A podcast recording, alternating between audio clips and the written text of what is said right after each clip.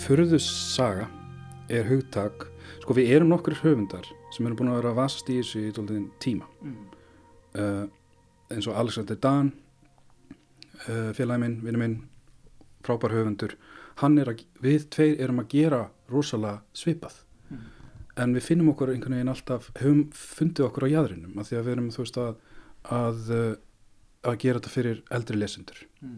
þú veist, þetta er alveg bara öfugt farið hérna á Íslandi, það er, þú veist ungmenna fantasíunar frábærar uh, þær ná vinsældum í rauninni og, en ef, ef maður reynir að gera þetta fyrir fullorna sama hversu vel er gert, þú veist, ég minna viðtökunum við bókunum hafa verið frá, frábæra það næri ekki flugi í þú veist sölu í rauninni. Þú veist, mér finnst það alveg ásættanlegt við erum það að fá, þetta er örmarkaðar en útgjöfundur setja svo rosalega háan standard með hvað erum fá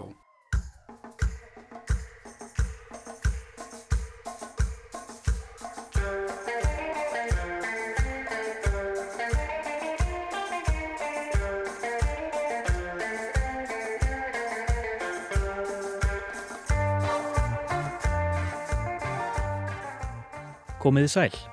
Bókatíðindi, hrun bókmentir og glæpa hrollvekjur verða til umfjöllunar í þætti dagsins. Við skoðum viðbræð rítöfunda við fjármála hruninu en 15 ár eru liðin frá örlega ríkum upphafstögum þess haustið 2008. En á þessum árum hafa bókmentafræðingar rannsakað eitt og annað sem einkennir bókmentirnar á árunum eftir hrun. Og loks förum við í heimsók til Emils Hjörvars Pettersen erithöfundar sem hefur gefið út sína tíundu skáldsögu Bannhelgi. Höfundurinn hóf sinn rittferil emitt á árunum eftir hrun. Hann skrifar á mörgum bókmyndagreina og á mörgum miðla, prents og hljóðs. Við hittum Emil Hjörvar í lókþáttar og rekjum úr honum gardnirnar, svo notað sé myndmál sem er eins og beint upp úr einhverji suppulegri hrollveikjunni.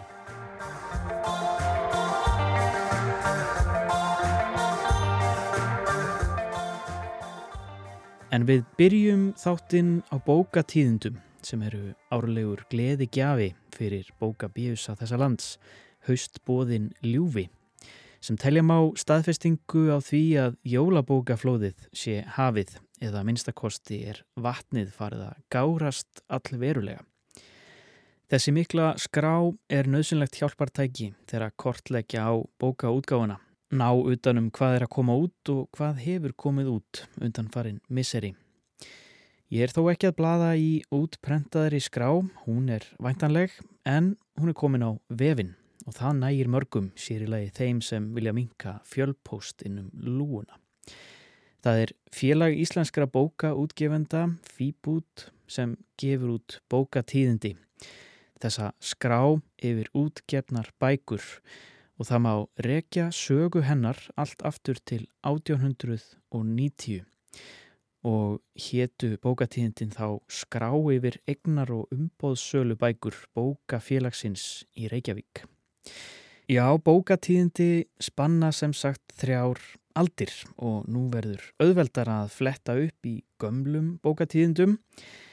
Og á línunni er Bryndís Loftstóttir, framkvæmda stjóri félags íslenskra bókaútgefenda sem ég veit fyrir vista er önnum kafin við undibúning bókatíðindana, ekki satt Bryndís?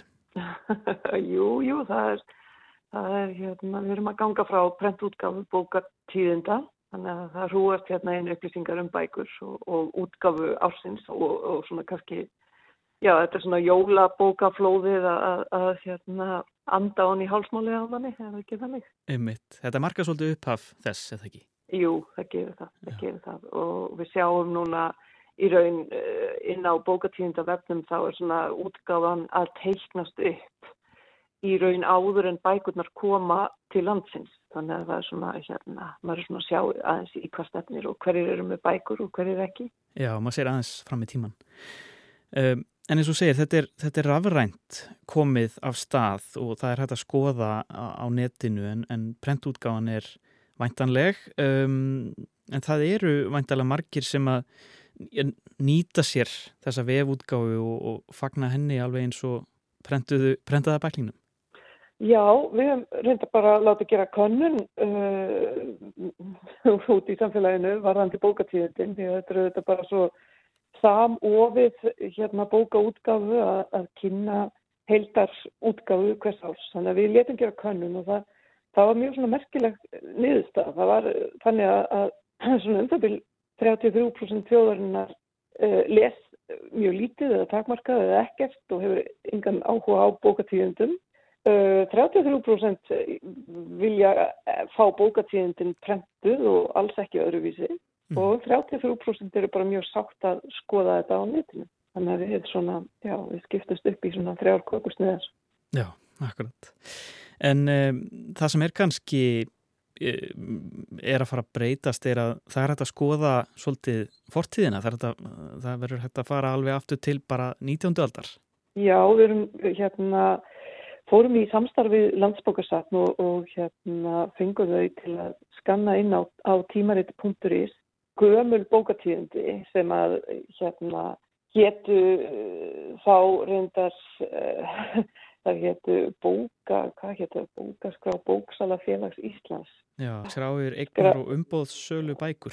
Já, þetta var svona rokkandi nöfnin á þessu hérna frameftir en, en það má sem sagt sjá alveg hérna þessa litla, þessa litli bæklinga sem voru, já, elst, sá elsti sem við höfum fundið frá, frá 1890 og þeir kom ekki alveg út á hverju ári og í upphafið er þetta kannski aldrei meira hvað er til á bókum allt í allt en svo verður þetta, breytist þetta í að, að hérna að vera bara seint og beint hvað er að koma út bara líkt og bókatíðundin og það er alltaf svona styrka setningar og, og, og svo leiðis og það er ofsalega gaman að skoða ég, til þess að það er mjög gaman að ég að skoða fæðingar árið mitt 1970 hvað var að koma út þá og, og hérna ég held þetta því að já, þetta er mjög forvitnilegt og gaman að, að, að sjá bara hvernig útgáfan hefur breyst svona í, í aldanar ás og og ekki síst í raun hvað hún var metnaðfull líka fyrir, fyrir hundra árum síðan sko. það er líka skemmtilegt og,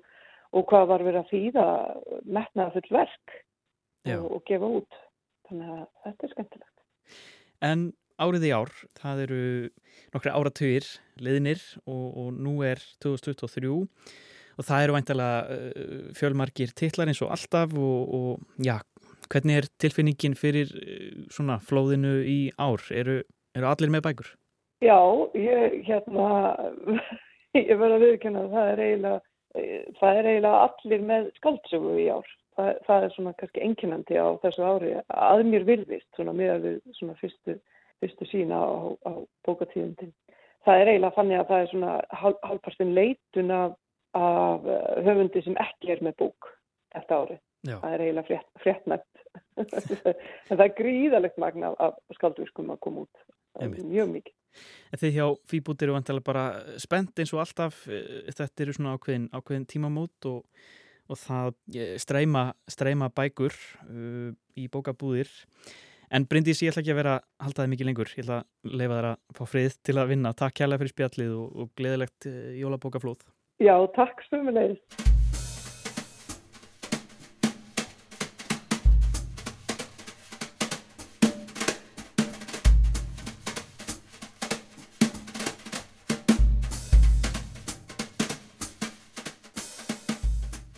Við ætlum næst að hverfa nokkur ár aftur í tíman. 15 ár eru liðin frá hinnum örlega ríku upphafstögum fjármálarhundsins haustið 2008 og ræðu fórsetis ráð þeirra sem endaði á orðunum Guð blessi Ísland. Já, Ísland þurfti eins og fleiri lönd á blessun að halda. Samfélagið virtist hreinlega vera á leið til glötunar og framundan voru róstur samir tímar með mótmælum, pottum, pönnum, táragassi og ringulreið en líka bókmentum. Hrunið hefur ekki haft, haft verulega áhrif hérna í, í, í, í þessari litlu búð eh, nema það að mér finnst vera meira á ferðin af ungu fólki og þetta unga fólk er að kaupa vandaðar skáldsögur, þittar mikið og jáfnveil sko ekki mikið af eldri höfundum íslenskum en, en svona ábyrrandi sko hvað ung fólk er að kaupa klassíska höfunda. Ég menna rúsnesku höfundana, bresku höfundana góðu og frönsku og þísku og þessa kalla. Og ég held að sko svona raun hafið þau áhrif á margra manneskjur. Það fer inn í rökkrið með bókina og, og, og, og hvílir sér þar frá amstyrinu og, og sjómas óþvrannum með, með því að lesa goða bók. Svo heyrist þá er, hefur þessi kona sem gaf þetta, hún hérna hefur verið mjög markvís í valin af þeim grip sem hún notaði. Því að potturinn hefur rauninni mikinn hljómgrunn. Og svo fer það eftir hvort maður lemur með skaftinu eða hvort maður lemur með tindunum í gaflinu hvernig hljómar? Það voru, það var oft langtímum samansagt vanhæf ríkistjórn vanhæf ríkistjórn vanhæf ríkistjórn Einhverjir muna vel eftir þessu. Háfaðanum í búsáhaldabildingunni veturinn 2009. Þarna heyrðu við lítið brot úr útvarpsleikaritinu Guðblessi Ísland eftir Símón Örn Birgisson og Malte Scholz sem flutt var í oktober 2009. Þar talaði sapnvörðurinn Lilja Árnadóttir um aðal verkfæri mótmælenda, potta og áhöld sem notuð voru til að framkalla háfaða í mótmælunum. Og Bræi Kristjónsson, Bræi Bóksali, potturinn og pannan í fortbókaversluninni Bókinni á hortni hverfiskutu og klappastíks í miðbæreikjavíkur heyrðist þarna líka. Talað þarna um bókmenta áhuga og lestur í kringum hrunið sem kallaði fram viðbrögð í bókmentalífinu eins og á öðrum sviðum. Undanfarin ár hafa bókmentafræðingar tekið þetta tímabil um og eftir hrun til skoðunar og úr hefur orðið það sem oftast er kallað hrun bókmentir. Árið 2015 opnaði upplýsingavefur um skrif sem tengjast bankarhuninu með einum eða öðrum hætti, aðdraganda þess og afleðingu, sem kallast hrunið þið munið. Það voru þeir Jón Karl Helgason, bókmyndafræðingur og Guðni T.H. Jóhannesson, sakfræðingur, síðar fórseti, sem settu verkefnið í gang en báðir voru þeir að kenna námskeið í Háskóla Íslands um hrunið hvori sinni deild. Þegar tíu ár voru liðin frá hruni var haldinn stór ráðstefna í Háskóla Íslands þar sem bóðu var upp á 20 málstofur þar sem um 100 fyrirlesarar fluttu erindi sem tengdust með margvíslegum hætti aðdraganda hrunsins og afleðingum. Við ætlum að hlusta á nokkur valinbrot sem fengið neru úr kistu ríkisútvarpsins um hrun bókmentir og byrjum á þættinum Munið þið hrunið frá 2018 þar sem Halla Haradóttir og Guðni Tómasson rættu við nokkur þeirra sem komu fram á ráðstefnunni í háskólanum sama ár. Ákveðin hópur listamanna, hvort sem það eru bók, eða skáldur yttfundar eða kvikmyndagerðamenn eða, eða eh, hérna, myndlistamenn að þeir eru kannski ekki dæmi gerðasti hópurinn fyrir viðbröðin við hruninu. Þetta er Bergljót Kristjánsdóttir, bókundafræðingur. Það er að segja, ég held að megin vandin sem við stöndum frammi fyrir núna er sá að, að það var búið að gegn síra þangagang sjóðarinnar og þá á ég við sjóðarinnar allrar með markasíkju og nýfrjálsíkju og fólki er það svo ómeðvitað að ég hlusta á verkalýsleitoga tala um starfsmannaveldu í fyrirtækinu. Hans er að hlutgerði sína eigin verkamenn eins og þeir sem vilja græða á þeim og líkti þeim við peninga. Mm.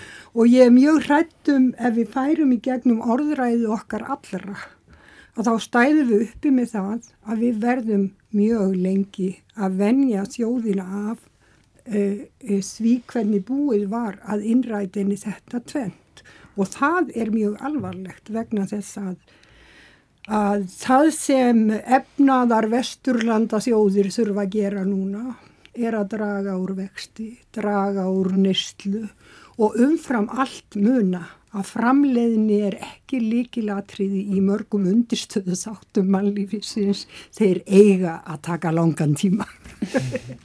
Hrön bókmyndir hafa verið rannsakaðar frá ýmsum hliðum en er til einhver einföld skilgrinning á þessum bókmyndum? Það er sko alveg hægt að greina mörg einnkjörn en ég held að um leiðum að fer sko, að greina þau að þá sé svo ótal mörg sem er einhvern veginn utan við þann mm. ramma en mér finnst allavega einmitt í mörgum þegar verður svona þá er hægt að sjá þessi skil fyrir og eftir mm. og hérna og líka svona ákveðin írónía í því að þegar við erum hérna eftir hrun að þá lí, lítum við tilbaka á atbyrði sem gerist fyrir hrun og okkur finnst þér fyndnir af því að, eða svona grátbrósleir af því að þeir lýsa einhverju sem við vissum ekki þá en vitum núna. Ja. Bara svona einmitt eins og að fletta hérna blöðunum og sjá hérna, eða sérst þau til dæmis í bangstir uh, finna gamalt blað einu sinni og sjá einhverja hvort það var auglýsingar eða eitthvað um eitthvað fáranlegt þú veist sem þeim fannst bara strax svona, svona sterk tilfinning sko Já.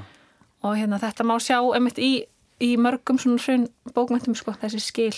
Já, ég held að við hefum hérna svona í íslensku bókmyndum sko hefur þetta náttúrulega kannski verið svolítið þannig að það hefur verið talað um þetta sem bara tengt þessu tiltekna hrunni svolítið sko, mm. það sé bara hérna, fjármálurhrunni 2008 Já. og ákveðin nefnit svona bilgja af verkum, leikrit og kveikmyndir og, og hérna og skáldsögur sem að fjalla um þetta tiltekna hrun. Og það er ofta það sem við meinum hérna held ég að við segjum hrunbókmyndir en, en, en hérna og, og þetta var líka til í, í bandaríkunum og, og Breitlandi sko, mm -hmm. svona, svona crash novel sögur um, um þetta já. algjörlega. En, en hérna en auðvitað er þetta miklu lengri hefð. En það er áhugavert að veltaði fyrir sér að ég held að við höfum á sumuleiti sko tapað smá tengslum við þá hefð. Og það er ekki tilviljun, við skoðum bara söguna vegna þess að ég held að við séum enþá svolítið að svona jafn okkur á þessu svona skringilega eila velmögunar og stöðuleika tímabili sem ríkti hérna eftir setni heimstyrjaldina og eila bara langt fram, fram, fram nánastundir lok 20. aldar sem við leiti sko. Þetta, mm. þetta einstakka tímabili eila bara í sögu kapitalismans þegar kom engin kreppa mm. Skilji, það kom engin kreppa frá frá setni heimstyrjöld og fram á 18. ára tí það var svona gullöld mm. og en svo gullöld hún mótaði rosalega djúft höfur heim vesturlandabúa þó að sé nú tölvört langt úr liði þá finnst mér svona ennþá eins og að sé svona viðmiðanir og væntingar svona eru svolítið svona frá þessari gullöld sko og hérna og ég held að við séum mögulega kannski bara svona að fara að vennjast í aftur núna að það séu að koma bara kreppur á svona 10-12 ára fresti eins og hefur bara verið alveg regla sko í, í, hérna, í, í sögu kapitalisman sko. en mér finnst það áhugavert að sjá hvernig sko í þessum íslensku hrun bókmyndum að það eru þetta svona ákveðin minni sem að koma alltaf upp svona mm. einhvern veginn skjóta upp kollinum og mörg þeirra eru, eru klassísk sko og gömul, ég menna bara skuldsetningar þemað er mjög áhugavert sko. Mm uh, allt eftir í bara kaupmannin í fenni eftir Shakespeare sko. Ótti, ótti við þetta áður skuldur einhverjum og hvað hann muni geta mm -hmm. gert þér sko. Ég skilja hann að skorið pund af holdiðinu sko. Og hérna og, og svo náttúrulega líka sko spákaupmaðurinn og, og hans þetta ris og fall sem ég var að tala um áðan sko mm. og ímsar aðrar svona týpur sem koma fyrir sko ákveðin, ákveðin kvengerfing líka ákveðin kvenkinstýpa sem er algeng oft vændiskona mm. sem að svona, ég meina hún er til dæmis ábyrgandi í vonarstræti mm. og hérna og, sér svona lengri sögu sko sem að menna, Daniel Defoe skrifaði um svona kvengerði heim fjármálana -hmm. Lady Credit svona skemmtileg, skemmtileg típa og ég heldur sjá með þess að hluti alltaf skjóta upp kollinum sko vegna þess að þessi efnæslegi veruleiki hann einhvern veginn er svona stöðu uppspretta ángistar sko fyrir okkur á vissu leiti sem ég held að hafa alltaf verið þó að, að þessi segjum um svona hugarheimur okkar er, er ennþá svona svolítið svona lifir ennþá í þessari blekkingu þessar gullaldar sem ég held að sé því miður liðin.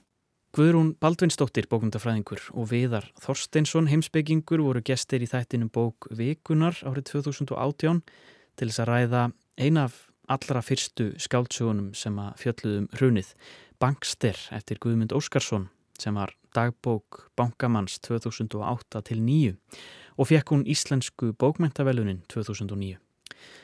En það má nefna fjölda annara bóka í þessum flokki fyrir utan Bankster, Gæska, Konur, Mannorð, Land, Tækifærina, Svörtuloft, Hálendið og svo framvegis Fyrir örfáum árum kom út bók eftir Alaric Hall, miðaldafræðing við Háskólan í Leeds, Útrásar vikingar, The Literature of Icelandic Financial Crisis 2008-14, bókmentir íslenska fjármála hrunsins. Þetta er fyrsta bókin um viðbröð íslenska skáldsagna höfunda við hruninu og Kristján Guðjónsson í þættinum Lestinni heyrði í Alaric Hall árið 2018. Mér finnst það áhugavert bara að Íslandingar skrifuðu mikið um hrunið. Sko það voru ekki svo margir höfundar í Englandi eða bandaríkinum sem skrifuðu um hrunið og það var, sko það er auðvelt að sjá að það var mjög erfitt höfundunum hér og á Íslandi -hmm. til að skrifa um fjármálakerfið eða um sko lánskerfið að því að það er mjög sko abstrakt og höfundar uh, skilja mjög vel að skrifa um personur og einstaklinga en ekki svo mikið um, um samfélag eða kerfi núna og já, það er auðvelt að sjá að höfundar skrifa oft um hvernig það er erfitt að skrifa um hrunir. Uh, og það er sko, já, bara uh, mikilvæg uh, viðbrag til hrunsins. Þú segir að það hafi verið skrifaði fleiri skáltsögur hérna um hrunið og, og eða með bakgrunn í hruninu á Íslandi en annar staðar. Af hverju heldur það að svona margir hafi ákveðið að takast á við þetta umfjöllunarefni hér á landi frekar en annar staðar?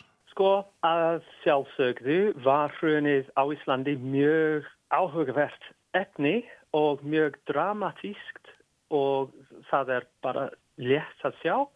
En líka eru margir að skrifa bækur á landinu, það er mjög flott og ég held að það er auðveldara að gera tilraun í íslensku bókmenningu.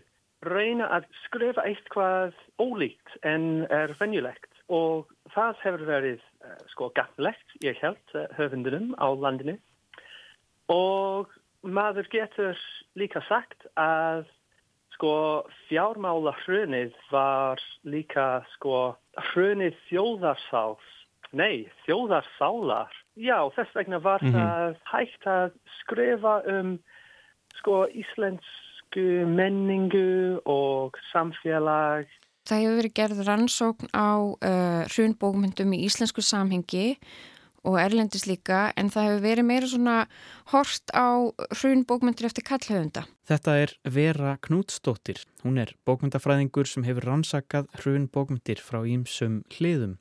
Hér talar hún um hrunbækur hvenna. Og það eru svolítið oft sem að hérna... Uh, Hvennhauðundar hafa skrifað hrunbækur en þær hefur ekkert eindilega verið skilgreyndar þannig. Og í doktorsverkefninu mínu þá fannst mér rosalega áhugavert hvernig hérna Irsa Siguradóttir, glæparsagnuhöndur, fjallar um, um uh, hrunið. Og hún á þarna svona þrjár svona hrun hrollvekjur sem að það sem hún nota svona hrollvekjustef til að takast á við hrunið. Og ég fór að velta þessu betur fyrir mér og sérstaklega líka að því að sko fræðimenn á sviði hug og félagsvísinda hafa fjalla mikið um það hvernig sko efnahags hrunið bankarhunið, alþjóðlega bankarhunið árið 2008 bóðaði líka svona gengisfall ákveðna hugmynda um karlmennsku og svona ráðandi karlmennsku ímyndar sem að tengist mjög svona efnahagskerfinu og bankakerfinu mm. og við þekkjum það náttúrulega hér í hérna útrásarvíkingnum og ég fyrir bara að skoða þetta og ég dett fljóðlega niður á breska bók eftir fræðimann sem heitir Katie Shaw uh, og bókin heitir sérst Crunch Lit sem er svona ein, uh, eitt orð yfir hrundbókmyndir. Það er líka oft talað um svona recession literature og crash literature og hún sérst fjallar um þessa hugmynd um recessionista. Ef við hugsaum um hruni sem recession þá er recessionista sérst hvern hetja sem verður til í recession, semst á hrun tímum og ég kalli þetta kreppu kvennhetja og hún sko talar um þetta sem svona þú veist um, í góðarinu þá verða til þessar skvísu bókmyndir eins og hérna eða þú veist Sex and the City, Confessions of a Shopaholic það sem að þú veist verða til svona skvísu bókmyndir um einhverja skvísur sem að eru svona þú veist það er ekkert mikil svona efnægisleg meðvitund í þessum bókum og þessar hérna þessar personur er að eigða miklum peningi, merkjavörur, snirtiförur og svo framvegis.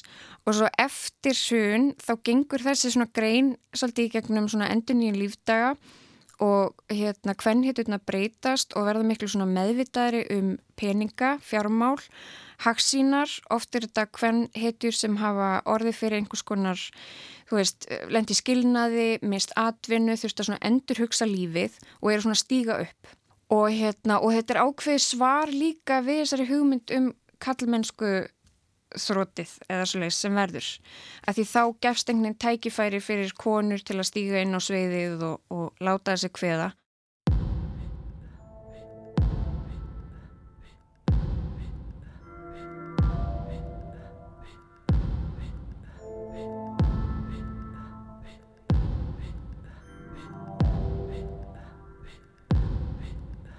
In a car that is speeding with some sure seating, I revel in the feeling.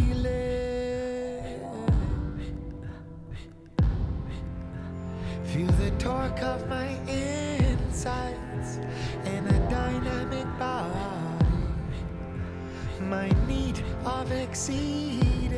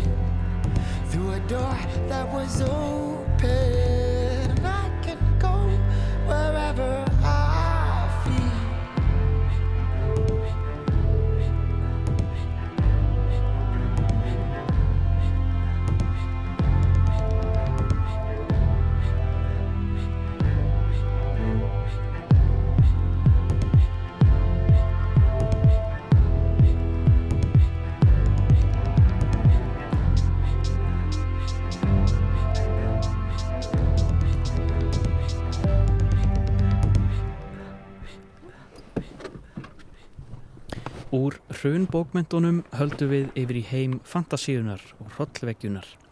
Emil Hjörvar Pettersen hefur nú um árabil verið einn þeirra höfunda sem hafa dreyið vagnin í útgáfu förðusagna hér á landi og hefur nú sendt frá sér sína tíundu skaldsögu Bann Helgi, framhald bókarinnar Dauðaleitt. Báðar eru þær hljóðbækur sem gefnar voru út af Storytel en Emil Hjörvar hefur verið að færa sig í auknu mæli yfir á svið hljóðbókana sem hafa verið í miklum vexti á undanförnum árum. Emil Hjörvar hefur, eins og fyrr segið, verið í fremstu röð þegar kemur að sögum um hið undarlega og óhugnarlega. Hann segir að hér á Íslandi hafi fantasíu bókmyndir og aðrar skildar greinar gjarnan verið bendlaðar við yngri lesendur en því er öfugt farið víða annar staðar þar sem slíkar bækur eru hvað vinsælastar. Bara bækur tóku hús á reytöfundunum Emil Hjörvari Pettersen og ræða við hann um ferilinn og heim fantasíunar.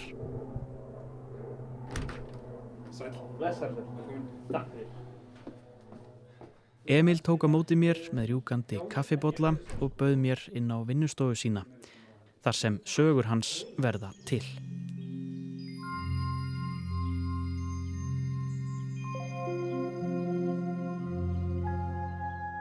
Þetta er mitt svona atkvarf Já. og bara minn vinnustadur. Þannig að þegar krakkan eru farnir í skólan þá helli ég upp á kaffi, byrsta tennunar og sest hérna niður. Og hérna, Það er byrjunin á hefðbundu vinnudegi. já, það er þannig. Ég hérna kemur fyrir og setja tónlist, skrifa alltaf með tónlist. Ég reyni að sitja við. Ef það er ekkert annað að gerast, þú veist, einhverju fundir eða eitthvað svoleiðist, þá, þá reyni ég að hafa þetta frekar reglubundið af því að, að býða eftir einhverjum innblæstri, það, það gefur ekki mikið af sér. Það er frekar þá að koma góðir dagar þar sem maður er bara á flugi og maður svona, já, þess vegna er ég að þessu. og hérna, en svona annars þá, þá reynir maður að, að, að hérna, tækla auðu sírunar og, og skrifa að því að yfirleitt, og maður gleymir þessu oft, sko, að hérna yfirleitt þá gerast hlutinir á meðan maður að skrifa.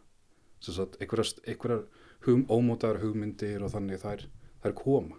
Og yfirleitt sko uh, þú sér þú veist það eru post-it með þér út, þetta er bara byrjun ég er, er að komast á stað í bók. Já.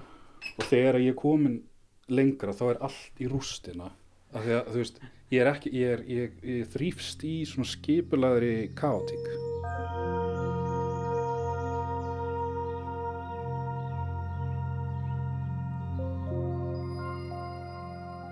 þetta er, þetta er tóltið löng saga sko. og hérna ég veit ekki alveg hvar ég á að byrja en ég hef alltaf verið þú veist, fyrir þetta alveg bara frá ég var tíu ára og fekk spuna, hérna, eh, svona spunaspil sem heitir Askur Yggdrasils sem er einmitt þarna upp á. Þetta, er- þetta, er- þetta er ónotað eintak sem að ég kefti Nú, já, þetta er, þetta, þetta er frá 94 já, þetta markaði bara þetta, hafði, þetta breytti lífið mínu ég var tíu ára. Emmitt. Og hérna Íslands spunaspil sem að hérna byggir á norrænni góðafræði og ég fekk alveg æði fyrir norrænni góðafræði mitt spil er í henglum og Já, er, þetta gengur kaupum og sölum á netinu fyrir alveg ágætis pening. Þetta er alveg svona rarity. Ég var alltaf fyrir fantasíur og vísnarskáldsögur og þegar ég var 15-16 ára var reyna að búa til mína ein heima og virkilega reyna að byrja að skrifa. Um, en síðan bara þú veist setni part mentaskóla byrja að yrkja ljóð fór í háskóla bókmyndafræði reitlistin var ekki byrjuð þá og kynntist öðrum ljóðskáldum og, og endurvöktum nikur og vorum bara ljóðakvöldum og ég gáði tvær ljóðabækur og, og bara og ég fór eiginlega bara leint með hérna hver ég raunverulega væri. Svo hérna fekk ég hugmynd melli eh, Söps og Vöku 2006 í desember um, byrju, akkur er enginn sagt sögu eftirlifindana sem að, þú veist, á, á, þú veist, æsinu sem að lifðu af Ragnarök ég skrifa hana niður, hún let mikið vera þessi hugmynd í nokkur ár. Og svo bara let ég verða af því. Það var einmitt hrunið sem að allir því að ég virkilega byrjaði að skrifa. Mm. var sérst í starfsnámi hjá forlæginu uh, átti kannski að vera ráðins í rítstjóri en, en hérna uh, hrunið kom. Þá ætlaði að ráða mig og aðra en bara en við getum það ekki því miður. Og þá bara stóð uppið að í janúar 2009 og ég vissi þá að verðum að fara að flytja til Svíþjóður og þegar kona mín komst inn í nám þar þannig ég var hann að minna okkar mánuði búin að samna smá pening ok, ég ætla að skrifa þessu bók. Og hérna ég byrjaði og, og ég reyndi fyrst að láta þetta vera einmitt eitthvað svona sem að myndi falla að íslensku bókmyndu hefð það var bara ekki að virka. Og það var einhver tími þar sem ég hendi öllunum að grunnhugmyndunum og við byrjaði bara, ok, ég ætla bara að skrifa nákvæmlega sem mér finnst, eða þú veist, nákvæmlega og ég vil. Uh, og láta bara allt sem að ég hef áhuga ástriði fyrir bara flæða í gegn. Mm.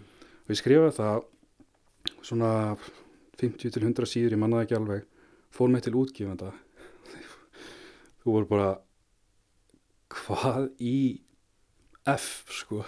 Bara og hérna eh, það er engin að fara að kaupa eða lesa þetta og svona og hérna uh, og ég sagði það ekki við inn en ég sagði við sjálfum með víst þetta er vístækt og þá tókum við þrílegs árin og hérna uh, og ég var að skrifa þess að sögu eftir þannig að ég fóruð til sögu eftirlifenda fyrstu bókina og við fluttum til Svíþjóðar. Og þar einmitt hérna ætlaði ég bara að fá mér einhverja vinnu og, og uh, skrifa bókina, kláruna en uh, þegar ég kom hana til Lundar og sá háskóla umhverju og þannig þá spurði ég, fór á skrifstunum og spurði er eitthvað nám sem maður laust í? Bara á síðustu stundu. Ég fór bara í annað mastersnám. Var í því og það var mun auðveldar heldur en á Íslandi. Og ég sá, þá sá ég að námið á Íslandi var, actually, uh, var bara freka gott sko. Þannig að ég var að læra hluta af masterstíði sem ég var að læra sko, fyrstu kursum í BIA á Íslandi. Ah. þannig að þá hafði ég rými til þess að hérna bara skrifa. Og að hérna, þú veist, fekk var að skrifa. Nánast og svo bara kláraði ég það sem þurfti að klára. Og það hérna gekk upp og e, en á sa sama tíma þess að þegar ég var að klára þetta var svona fyrsta árið þar sem ég var að klára þessa bók og ég fjármagnaði hana með náms, námslánunum mínum. Mm. ég átti tvöðu skall eftir á reikningnum þegar, þegar ég kom inga til Íslands og, og sótti bækunar og, og þannig. Að því að ég, þú veist, hafi verið að læra þetta og, og hérna starfa á bók, uh, bókaútgáfu, vissi hvað til þurfti ekki að skýra í burtu negin horn eins og að kallast, heldur að hafa þetta almennilegt og það bara kostaði sitt. Og eftir þá bók þá var ég tóldi byrjaður að fara á svona ráðstefnur og þannig úti bara, bara það að vera á meginlandinu bara fjarlæðin frá Íslandi ég er algjörlega upp, upp og sjálf á mig komin og, og er að gera þetta á einforsendum það gerði það að verkum einhvern veginn að ég bara, ég drakk í mig allt sem var að gerast. Allt, sem, allt sem var í gangi fór að sjá miklu meira sko hvað þú veist, allar undirgreinur af fantasíum og þannig kynntist ég miklu betur, kynntist fólki og hlustaði á fólk og aðra höfunda. Og ég drakk þetta og drakk þetta og drakk þetta í mig og það skilaði sér í bók 2 og 3 í sögu eftirlefenda sagan bara svona springur út sko, verður hérna reis og stór svona eftir heimsenda heimur. Já. en þegar hérna, þriða bókin kemur út 2014 sem að mér finnst sko, það eru partar í henni sem að er það besta sem ég skrifa en þá sko og hérna, þá fann ég fyrir það sem kallast, ég veit ekki alveg hvað kallast á íslensku, en svona diminishing return. Fyrsta bókin vakti aðtegli önnur bókin líka, en síðan þegar þriða bókin kom þá bara, hún var svo, hún var 600 síður kom út í, þú veist, loka oktober eða eitthvað, það náðist ekki að, að, veist, fjalla um hana og svo leis og ég náði einhvern veginn aldrei að eða þú veist, ég fylg, náði ekki að fylgja eða bara, þú veist, var búinn þá var ég bara svo búinn á því. Að hérna, og, og, og þá hafði ég líka fengið hugmyndina að víhólum. Skrifaði hana, þá sem ég blandaði glæpa, norrönu glæpasögunum við fantasíu, svona crime fantasy sem að er sko alveg bara gert úti því að mitt ky- kynst í sko Hún er hérna, já, Já, já hérna. og Bjartur og Veröld gáði hana út og hún fekk velun og, og sagafilm hérna opsjónaði hana og svona Mhm. og í, alltaf í, þú veist, í bakgrunni var saga eftirlifenda Mhm. og það, það mun gerast meira með hana sko. það, það er alveg pottið það, en ég bara var bara einhvern veginn að halda áfram þannig að hérna, ég átti á tímbilum mjög erfitt með að opna bækunar ég bara, ég á mjög rætt með að lesa mín einn verk eftir að koma út en það var þannig sérstaklega með sögu eftirlifenda. En þetta er svo satt svona sagan af því hvernig ég varðað fann, þú, veist, þú veist þeim höfund sem ég er í dag held ég. Að hérna uh, kendi, ég sest, tók, kendi sjálfur mér mjög mikið að skrifa og, og, og held ég að fundið svona á leiðinni í gennum þríleikin svona mína, minn stíl, mína rödd held ég vonandi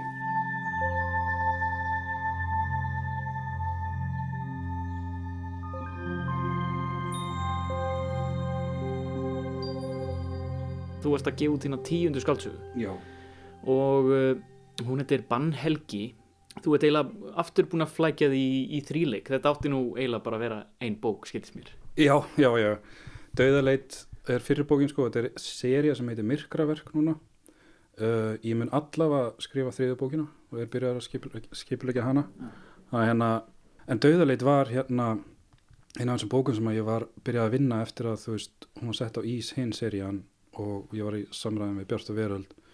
Og þeir voru greinlega þú veist, þetta er eins og ég segi, ég er búin að vera með þessa sín síðan þá sem ég voru að tala um, þú veist þessi saga sem ég voru að segja frá áðan með, með hvernig hérna eftir, eftirlifenda byrjaði, ég er búin að vera með þessa sín og þessa sannfæringu um að þetta sé hægt á íslensku. Að skrifa svona bækur fyrir fullori fólk. Og þú veist, útgá, eða, þú veist uh, það er mjög rík og það er bara mjög flottar bækur og flottir höfundar sem er að skrifa fyrir, uh, þú veist, ungmennabækur. Rosa flott. Uh, ég fell einhvers staðar oft á milli. Og það er eins og ég hef fundið einhvers konar málamiðlun í hérna hrollveikjunni milli mín og, og lesenda og útgefenda. Að ég er ekki að svíkja sjálfa mig með að skrifa þetta. Með mér er það mjög gaman að veist þetta er á mínu ég, ég á mjög erfitt með að skrifa uh, algjörlega raunsæja skáldsögu. Mm. ég gæti það alveg og ég fann það þegar ég var að byrja að skrifa hrollveikjuna það er mun raunsæri heldur en fantasían. Þú veist já, þú veist ég, þetta er alveg gaman og gefandi að skrifa um raunveruleg vand, vandamál og þú veist maður gerir það náttúrulega líka í fantasíunum en þú veist að, að kafa meira onni í hefði realíska Já. jú, jú, en síðan bara eftir smástund þá fer ég að vera eirðalus það verður að vera, vera eitthvað hérna, einhverju töfrar, eða þú veist einhverju yfirnáttur einhverju yfirnáttur á, á sveimi. Já. og Dauðaleit var einu af þessum bókum sem að ég var að vinna á þessu tímbilað sem kom ekki út eftir í tvö ár held ég. Uh, sem er auðvitað, þú veist, á að vera eðlilegt. Og hérna uh, það var hún og hælið sem ég var svona að reyna að vinna. Og Dauðaleit byrjaði sem bók það sem að ég, já, ákvaða að leita í mínar einn rætur í, Kó- í Kópói byrjaði sem bók sem átti í raun að vera svona hálgjör fullorðsbók um samt unglinga. Se, og svona sæki í smiðið þú veist Stephen King It og síðan þú veist myndir og Goonies og síðan Stranger Things og þannig að þetta þú veist byggja mínum æsku minningum um Kópói á tíunda áratugnum vinir sem fara of langt og þá var Hamraborg sem var þú veist spooky staðurinn Já. og uh, hún fóð síðan ekki um tvö versjun og það var sk- sko ef ég hefði átt þetta samtali Bjart og Veröld til dæmis uh, um hvert sagan gæti farið eitthvað, annað, eitthvað aðra útgáður eitthvað þannig af sögunni þá hefði hún kannski komið út hjá þeim en að því hafi gefið út hjá Storytel og Caritasana og svo Hælið og að það var að því að uh, útgóð, að reitstjórn hjá Storytel eru nefnilega mjög opinn fyrir að tala um bækunar og þróa hugmyndir áfram og þannig. Og það var, þú veist, bara í samtali þá kviknaði pera hjá mér. Heyrðu, aðalpersonan ef hún er rannsóknulegur hvað, og þú veist, og ég, ég, hérna, ég smætta, eða þú veist, ég geri, geri það sem ég hef skrifað, geri, breytið í endurlit, svona flashback. Og hann er rannsóknulegur sem að þá, þú veist, er að upplifa aftur tráma og það er sama að gera og svo gerist fyrir vin hans þú veist, 1994 þá voru allt að smetla og ég bara, þú veist, skrifa og mjög gaman að skrifa hann og loksis koma þessari sögu því ég vissi að það væri eitthvað við þessu sögu. Og hún gekk svona vel og það var bara strax bara ef að gera framhald, já. Og þá er þessi persóna Haldur Kjartansson, hann bara svona lifnaði við, þetta er svona sérstakur rannsakandi sem að uh, svona rannsakar óútskýranlega glæpi. Já. og þá er þetta, ég meina svo í hérna víhólum og þeim bókum þá er aðalpersonum til að byrja með uh, miðill sem að getur sett sér í, í tengsl við heim he- hérna, huldu heim og þá er, þá, þá er þetta sko hliðstæður veruleiki bara eins og við lifum í en huldu heimir er raunverulegur. Vættinur er raunverulegar, það eru bara örfáir sem eru svona næmir sem getur sett sér í tengsl við heiminn. Og það, að, og það þetta er þá spurning um sko hver lögumál sögu heimsins eru. Í víhjólum þá er, þá er, þá er lögumálin þau að þetta er raunverulegt. Og þá, geng, þá þarf maður að skrifa út frá þeim lögumálum og þá er rosalega mikið, þú veist allan að það sem ég fæst við rosalega og er líka að skrifa þetta á íslensku og þannig að það er ekki úr langt og þannig en samt, þetta er bara rosalega tilfinning. Því ég fylgi, þú veist, eðlis ávísunni uh, mjög mikið eftir að þetta er mjög mikið spurning um það sem kallast suspension of disbelief. Ég man ekki hvað íslenska orðið er skila frestur áreiðanleikans eða eitthvað svo leiðis, mjög óþjált. Það er allavega eitthvað í þá áttina. En það, en að ljóðskáldið hérna Samuel Taylor Coleridge hann setti það fyrst fram sem lýsir í þá, þú veist að lesandinn samþykir lögumál söguheimsins á, á meðan lestri stendur. Þetta er það sem að fantasíu höfundar fást rosalega mikið við og líka hrollveiki höfundar en maður gerir þetta á annan hátt í hrollveikinni og þú veist, hún verður alltaf að vera yfirnáttúrulega dulræna er svona, maður sýnir það er, það er að, það, maður sýnir ekki mikið og það, er, á, er að reiki hvort sér raunverulegt og, og ekki. Já. og það stundu finnst mér erfitt að dansa á þessari lína, þetta er mikil áskorun. Furðu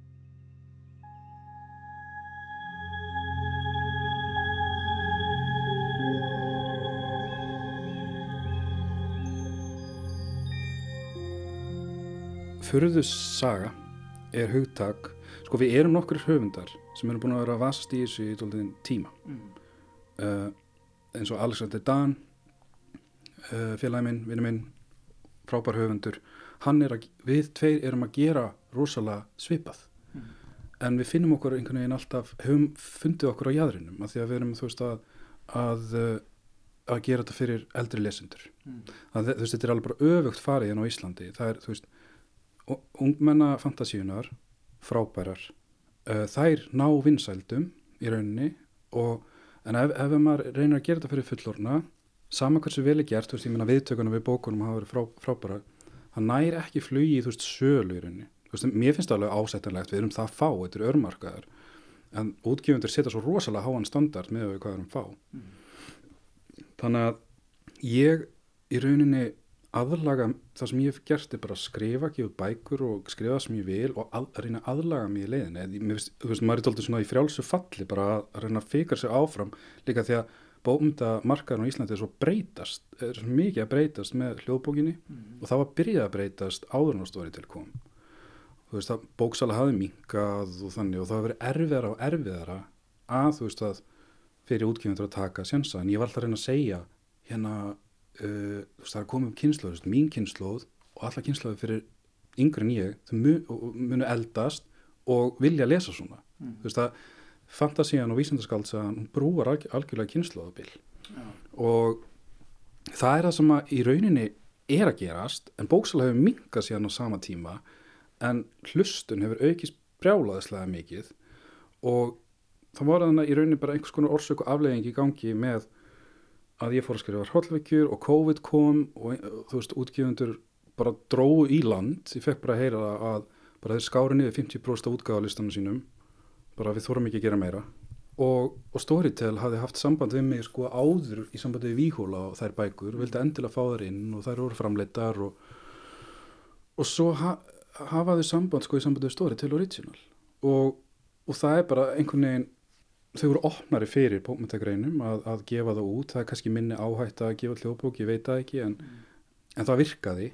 Og ég á sama tíma var kannski orðin pínu svona þreyttur á að vera að gefa mig alla nýja þú veist, þú veist bækur sem að fá frá, frábara dóma og allt þetta en svona næ ekki að alveg, ég er ekki að ná alveg til fólks. Mm.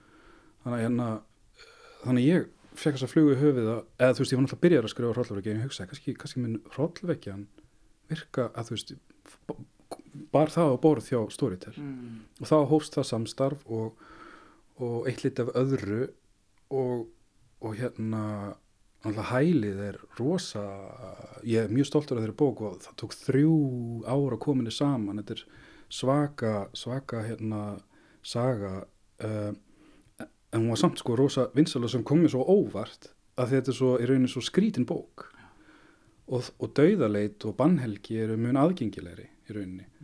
Og með þeim bókum var, var ég langaði með það, ég á til að skrifa þetta langa bækur, mér langaði að prófa að skrifa snarpar skáldsögur þar sem að sko allt fléttast saman.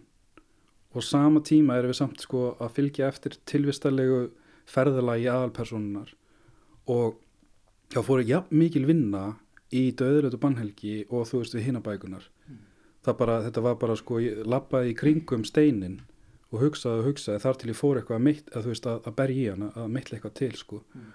það er eitthvað við þessar bækur sem hitt, hittir í mark held ég og ég er svo náttúrulega ánægði með það að, hérna, að ég er ekki svíkið sjálf á mig eins og ég segi að hérna, Einmitt, Þú hefur verið frekar svona samkvæmi sjálfur Já, gegn, gegnum já. öll þessi ár og öll þessar Já. bækur og það er náttúrulega kannski glæpa elementið náttúrulega sem að þú veist grípi fólk Já.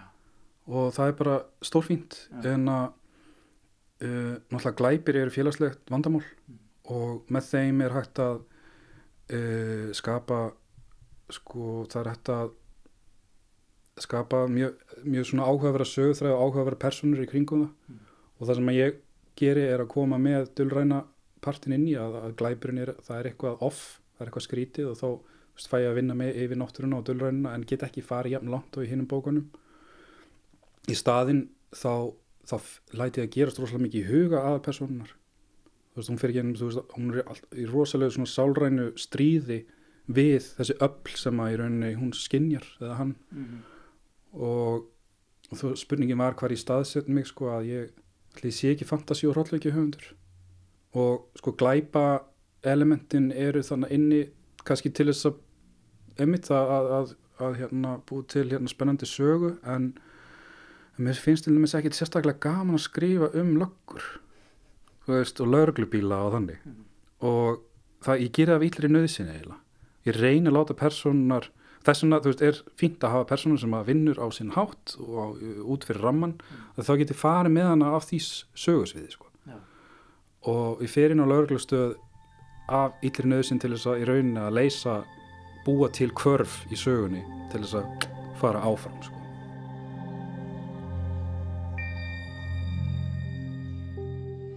Emil Hjörvar Pettersen, ég ætla að hleypa þér aftur í skrifin. Takk fyrir að taka mótið mér og takk fyrir, takk fyrir spjallið. Takk kærlega fyrir komuna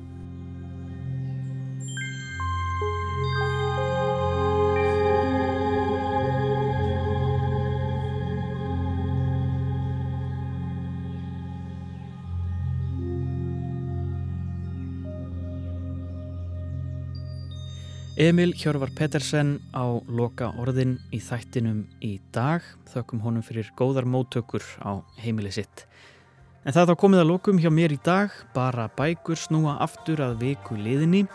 Hlustendum er frjálst að senda spurningar og aðtugasemtir á netfang þáttarins bara bækur hjá rúf.is. Og það er hægt að fylgjast með mér á bókasíðunni Goodreads undir nafninu Bara Jói, þar sem ég reyna að deila mínum lestri og hugliðingum í jafn óðum. Ég heiti Jóhannes, takk fyrir að hlusta.